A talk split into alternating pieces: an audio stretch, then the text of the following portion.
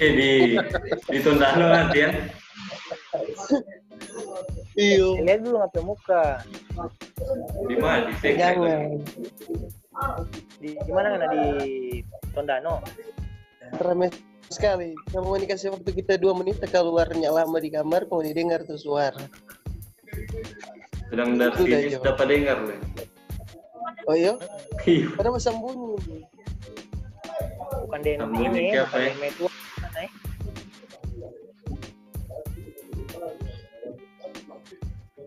Gimana? Ini- itu anak ini dia no.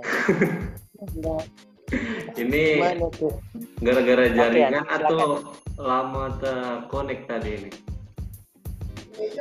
Nah, kita gaptek. Sulit, sulit memang. Toh kalau misalnya anti perkembangan teknologi, biasa Nah. Karena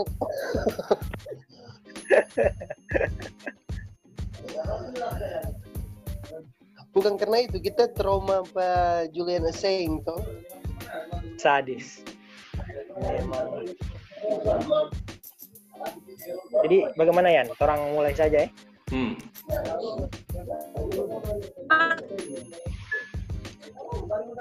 Mungkin dari dari dari ketua Tian mungkin kan. Tentang apa? Orang mau coba belajar lebih soal soal May Day terkait sejarah asal mula kan sampai kenapa bisa bisa diperingati sebagai Hari Buruh Internasional.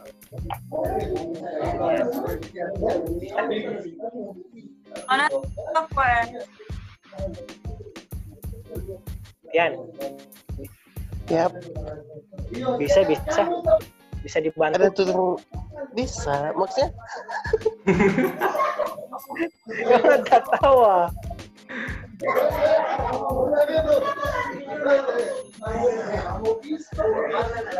nah, Asli.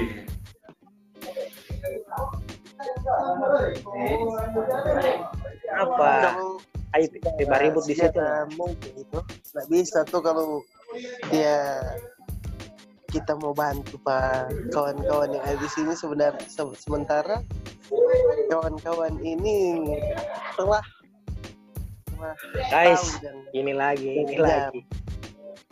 Ini kayak Apalagi kayak mungkin ah, tahu tentang peristiwa apa itu market mulai dari high market dan sebagainya dan sebagainya mungkin mungkin sebagai awal boleh dari Ngana duluan kan. Coba share masalah terkait sejarah. Nah sekalian buat orang refresh kembali kan soal itu.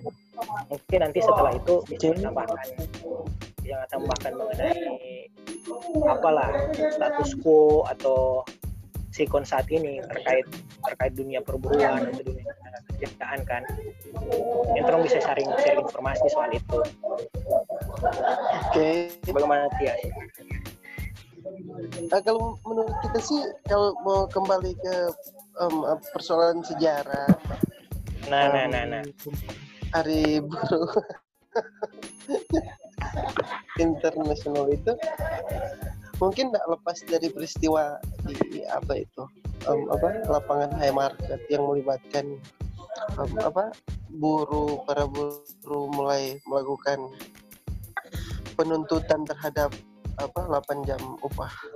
Sebenarnya kalau dalam versi yang yang lebih apa ya? Yang lebih lebih radikal katakan tuntutan yang lebih radikal itu sebenarnya bukan sebatas em, tuntutan upah per jam 8 jam kerja itu ya 8 jam kerja ada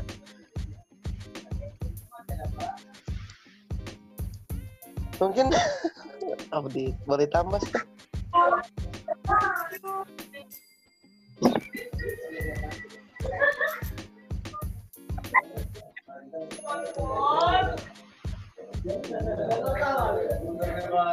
Eh, dapat dengar? Abdi pe suara termute itu. Ya, ya dengar no. Bung, bung, tak mati suara bung. Iya. Nelayan, Abdi Damur gitu suara. sudah sudah. Kita mau tunggu nggak suara. Ternyata ngasih lempar bola panas lagi. Nah, Kalau ini ya, kalau ini Tian, Hmm. kita ta- kalau ini in charge yang bertanggung jawab soal yang mengawali kan terjadinya hari buruh. mm, Ya teman-temannya, teman-teman waktu itu teman-teman komunis atau anarkis. Kira-kira yang paling bertanggung jawab kan untuk memulai peristiwa. Soalnya kalau misalnya ke depan bahkan setelah setelah di Indonesia ketika Soekarno kemudian waktu itu bentar sosialisasikan yang namanya Nasakom pada waktu itu kan Soekarno mengambil komunis sebagai satu politiknya dia kan.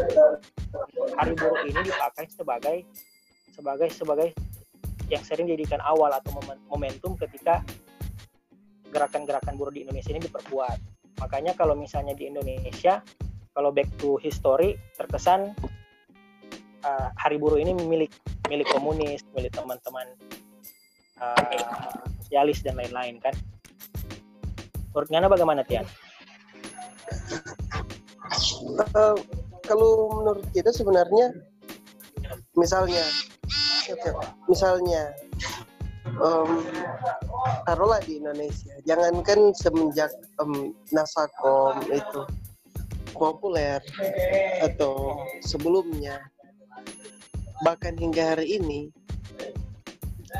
em, hari buruh itu bahkan gerakan buruh itu sendiri kecenderungannya itu em, apa ya diklaim atau mengklaim atau yang pasti populer itu adalah bukan milik tapi identik dengan gerakan sosialisme atau bahkan gerakan komunisme. Kenapa kemudian anarkis gerakan anarkis itu em, jarang terekspos em, yang populer maksudku itu em, karena em, apa ya dominasi apa narasi-narasi tapi tidak bisa orang pungkiri karena tak bisa tong puring- pungkiri bahwa keterlibatan anarkisme gerakan anarkis tokoh-tokoh anarkis itu jelas-jelas memang terlibat dalam em, hari-hari buruh jangan lupa bahwa em, di serikat-serikat pekerja itu tidak hanya orang yang berhaluan sosialis atau bahkan mungkin sekedar sosdem atau bahkan sekalipun komunis di di beberapa em, apa beberapa serikat-serikat buruh itu memang anarkis. Atau Ah, yang kita yang populer kan itu em, apa itu? Anarko sindikalis itu memang em, tendensi atau apa em, kecenderungannya di buruh gerakan buruh tapi percaya dengan cita-cita masyarakat tanpa kelas atau anarkisme Oke. Kalau melihat yang ini ya, eh, kalau misalnya awal dari gerakan buruh sendiri, bahkan pas, pa- bahkan sebelum era eh, Karl Marx dan teman-teman di Internasionale waktu itu, memang gerakan buruh ini gerakan buruh ini sudah ada. Karena waktu itu melihat bahwa ketika revolusi industri berlangsung, orang orang terpikir bahwa manusia ataupun kapital itu ataupun manusia itu bukan hanya sebagai alat produksi melainkan eh, modal yang harus diinvestasikan guna mencapai perkembangan di suatu suatu dunia usaha. Nah, makanya serikat buruh perlu ada perlindungan karena waktu itu tendensi yang dilakukan oleh pengusaha dengan pekerja itu sifatnya masih majikan dan budak, majikan dan anak buah. Istilahnya belum duduk sama rata, belum belum bisa berbicara atau berbagi bertanya mengenai keuntungan dan kebutuhan masing-masing. Karena kan diskusi itu bisa berjalan dengan baik ketika posisinya itu sama rata. atau masing-masing punya porsi yang sama dalam menyampaikan hak dan masing-masing punya porsi yang sama dalam menerima kewajiban.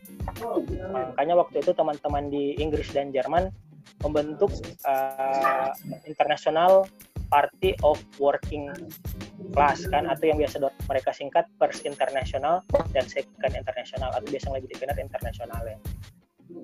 Nah, kalau itu Tian, kalau dulu memang ketika di forum internasional itu kan Engels dan Karl Marx yang membawa ajaran Marxisme, saya rasa sukses memproklamirkan ajaran mereka sebagai metode yang pas dalam dalam uh, mensupport yang namanya gerakan buruh saat itu. Nah, kemudian bagaimana dengan serikat buruh? Karena karena berbicara soal buruh, berbicara soal ketenaga kerjaan, labor dan lain-lain, stakeholder paling utama saat ini kan serikat buruh. Karena kekuatan pekerja itu bisa didaulat mereka ketika dapat disuarakan oleh oleh serikat buruh.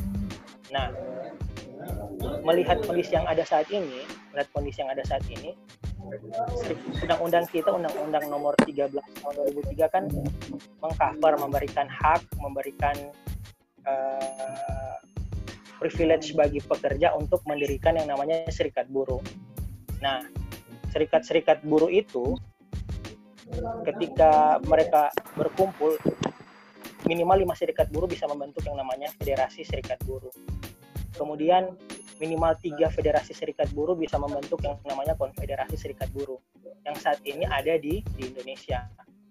Apakah menurut Dian dan juga teman-teman serikat buruh yang ada sekarang ini punya ideologi gerakan yang uh, yang sama dengan serikat buruh yang pernah pernah ada di di di, di zaman dulu seperti barangkali ada anarkisme di sana, ada sosialisme bahkan sepraktis komunisme.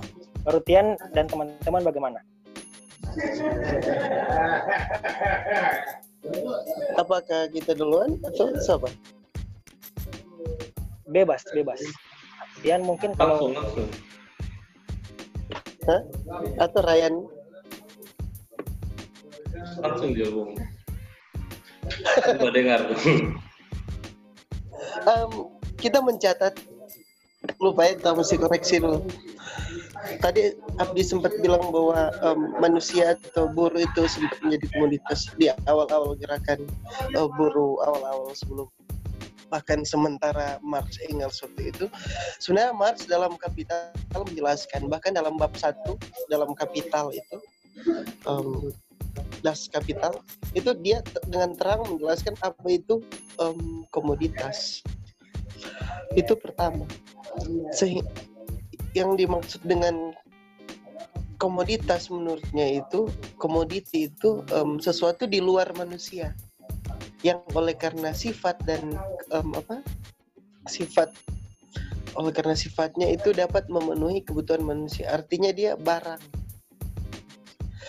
sehingga um, pada waktu itu belum ada definisi tentang um, komodifikasi orang atau komodifikasi misalnya misal sekarang sektor pendidikan yang menjadi komoditas dan sebagainya. Itu um, komoditas itu barang yang pada proses tertentu pada proses produksi dia menghasilkan komoditas dan um, kapitalis itu memperoleh keuntungan dari proses produksi dari um, apa eksploitasinya terhadap buruh kerja atau apa um, dari nilai eksploitasi nilai lebih itu yang dia bilang nilai lebih dan pada proses sirkulasi di pasar. Jadi itu dasar dari um, mungkin ekonomi Marxian paling dasar tentang komoditas itu dia sampaikan. Kemudian di di itu sekedar menangga, menanggapi apa dibilang. Jadi komoditas waktu itu pada posisi kenapa kemudian Marxisme bersama dengan apa Marx, Marx dan apa Engels kemudian menulis tentang um, manifesto komunis itu itu sebenarnya apa ya me- mengkristalkan sebuah apa sebuah platform gerakan sekalipun komunisme secara kepercayaan itu oleh Lenin dimulai. Tapi sebelumnya itu menjelaskan bahwa ada em, apa masa pelopor yang disebut oleh yang disebutkan bahwa yang progresif potensial progresif revolusioner itu adalah em, buruh. Nah, buruh itu digunakan atau bukan digunakan menjadi em, sektor masyarakat yang paling menentukan perubahan sejarah karena determinisme ekonomi tadi tentang ya yang disampaikan Marx. Nah, pertanyaan apakah gerakan buruh zaman dulu dari sebelum pas um, pra Marx, pasca Marx, bahkan hari ini masih ada relevansi atau setidaknya mirip-mirip dengan mereka zaman dulu yang membentuk internasional. Saya kira um, relatif bahkan beda-beda. Jangan jangankan um, jauh-jauh kita menganalisis yang apa apa apakah mereka itu komunis sosialistik apalagi anarkistik? Belum tentu kita dapat memahami itu dengan dengan apa kajian-kajian analisis teoritik. Tapi kasat mata saja kita lihat tadi atau kemarin atau sebelum-sebelumnya ada serikat buruh yang memang jelas-jelas tidak sosialistik atau misalnya memang pro pro kapitalisme. Saya pernah pernah aksi dengan buruh dengan apa serikat buruh itu aksinya adalah tolak RUU Omnibus Law. Omnibus Law ini um, terutama di klaster um, ketenaga kerjaan. Tetapi seseorang orator dari organisasi serikat buruh ini jelas-jelas menyampaikan bahwa kami pro investasi. Jadi kalau misalnya RUU Omnibus Law ini disahkan, tolong jangan disahkan yang klaster ketenaga kerjaan. Nah ini adalah sesuatu yang sangat-sangat berbeda dengan apa yang yang yang dalam dalam yang pandangan kan Ah, ah. jadi kalau mau, mau disebut mana ada sosialisme komunisme yang pro investasi asing yang kemudian diterjemahkan asing dalam RUU Omnibus Law itu Omnibus Law. yang uh, artinya na- na- tidak semua gerakan buruh hari ini atau serikat buruh entah dia telah berbentuk konfederasi atau federasi yang jelas atau mewakili atau mewarisi em, mewarisi sosialisme atau komunisme komunisme. Dulu. Belum tentu. Itu mungkin. Siap siap. Em, ketika saya pribadi kan setelah lulus kan mulai bergabung dengan teman-teman bergabung di dengan teman-teman di eh, serikat buruh kan. Nah kalau misalnya melihat sistem yang dibangun oleh Indonesia saat ini dengan konsep big government di mana otoritas yang dilakukan oleh pemerintah kita itu terhadap investasi dan ruang lingkup ekonomi bisa sangat besar termasuk dalam upaya memberikan perlindungan terhadap ketenaga kerjaan. Contohnya kalau misalnya mau lihat ranah korporasi menyusun peraturan perusahaan dan lain-lain, segala sesuatu itu kan eh, harus didaftarkan terlebih dahulu di harus dicatatkan terlebih dahulu di dinas ketenagakerjaan terkait di mana di regional mana uh, perusahaan itu berdiri. Jadi semangat dari Indonesia sendiri untuk memberikan intervensi yang besar terhadap kehidupan buruh dan ketenaga kerjaan yang Indonesia, saya rasa kalau ditilik dari segi cita-cita dan tujuan uh, yang normatif itu sudah sangat besar. Pertama dari Undang-Undang Ketenaga Kerjaan yang saat ini masih berlaku, yaitu Undang-Undang Nomor 13 kan. Ketika jumlah karyawan dalam satu korporasi itu sudah melebihi 100 orang, perusahaan itu diwajibkan untuk membuat yang namanya PKB. Yang tadinya peraturan perusahaan menjadi peraturan kerja bersama. di mana harus ada perwakilan dari serikat pekerja ataupun perwakilan pekerja yang memberikan voting terhadap peraturan perusahaan yang dibangun. Saya rasa dari segi dari segi upaya untuk melindungi tenaga kerja di Indonesia ini sudah sudah cukup baik. Kemudian yang kedua, masalahnya adalah serikat buruh yang kemudian dibangun yang menjadi kekuatan bergening dari pekerja itu harus terlebih dahulu dicatatkan ataupun dilegitimasi oleh dinas kekerja ketenaga kerjaan terkait karena praktiknya di lapangan itu ketika beberapa kan aturannya 50 plus 1 misalnya 50 plus 1 karyawan di suatu perusahaan ingin mendirikan serikat buruh harus terlebih dahulu dicatatkan atau dilegitimate di dinas ketenagakerjaan setempat. Ini yang menurut kita kan serikat buruh yang ada ini jelas otomatis tidak lagi mandiri karena dari segi uh, gerakan, dari segi ide, kemudian misalnya ada bergen yang dilakukan, itu pasti memanggil pemerintah sebagai mediator atau sebagai konsultan.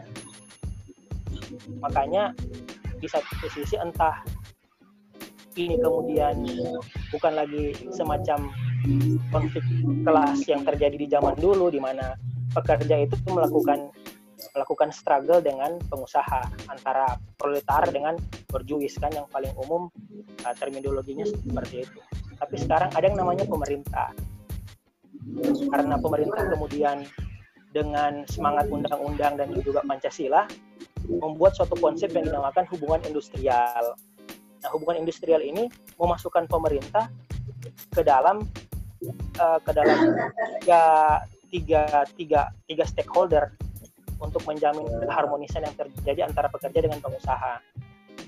Jadi kita rasa untuk saat ini perjuangan buruh, perjuangan kelas pekerja, bahkan perjuangan rakyat kecil kan untuk melakukan bergening dengan pengusaha atau dengan korporasi, entah diintervensi oleh pemerintah sebagai yang apa ya, yang memberatkan buruh sendiri atau menolong.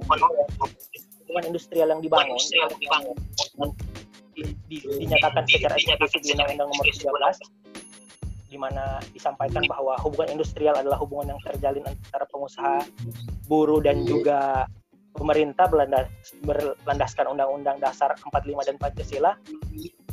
Saya rasa menurut menurut kita pribadi bukannya memberikan uh, posisi tawar menawar yang kuat bagi bagi buruh, tapi malah melemahkan buruh itu sendiri karena apa pun itu pemerintah jadi mediator. Nah, pemerintah dalam hal ini yang sifatnya uh, punya otoritas pasti cenderung ke arah yang yang korup. Nah, seperti itu. Dan kebanyakan pro ke ke pengusaha atau ke korporasi. Menurut kita seperti itu yang sekarang. Oke. Okay.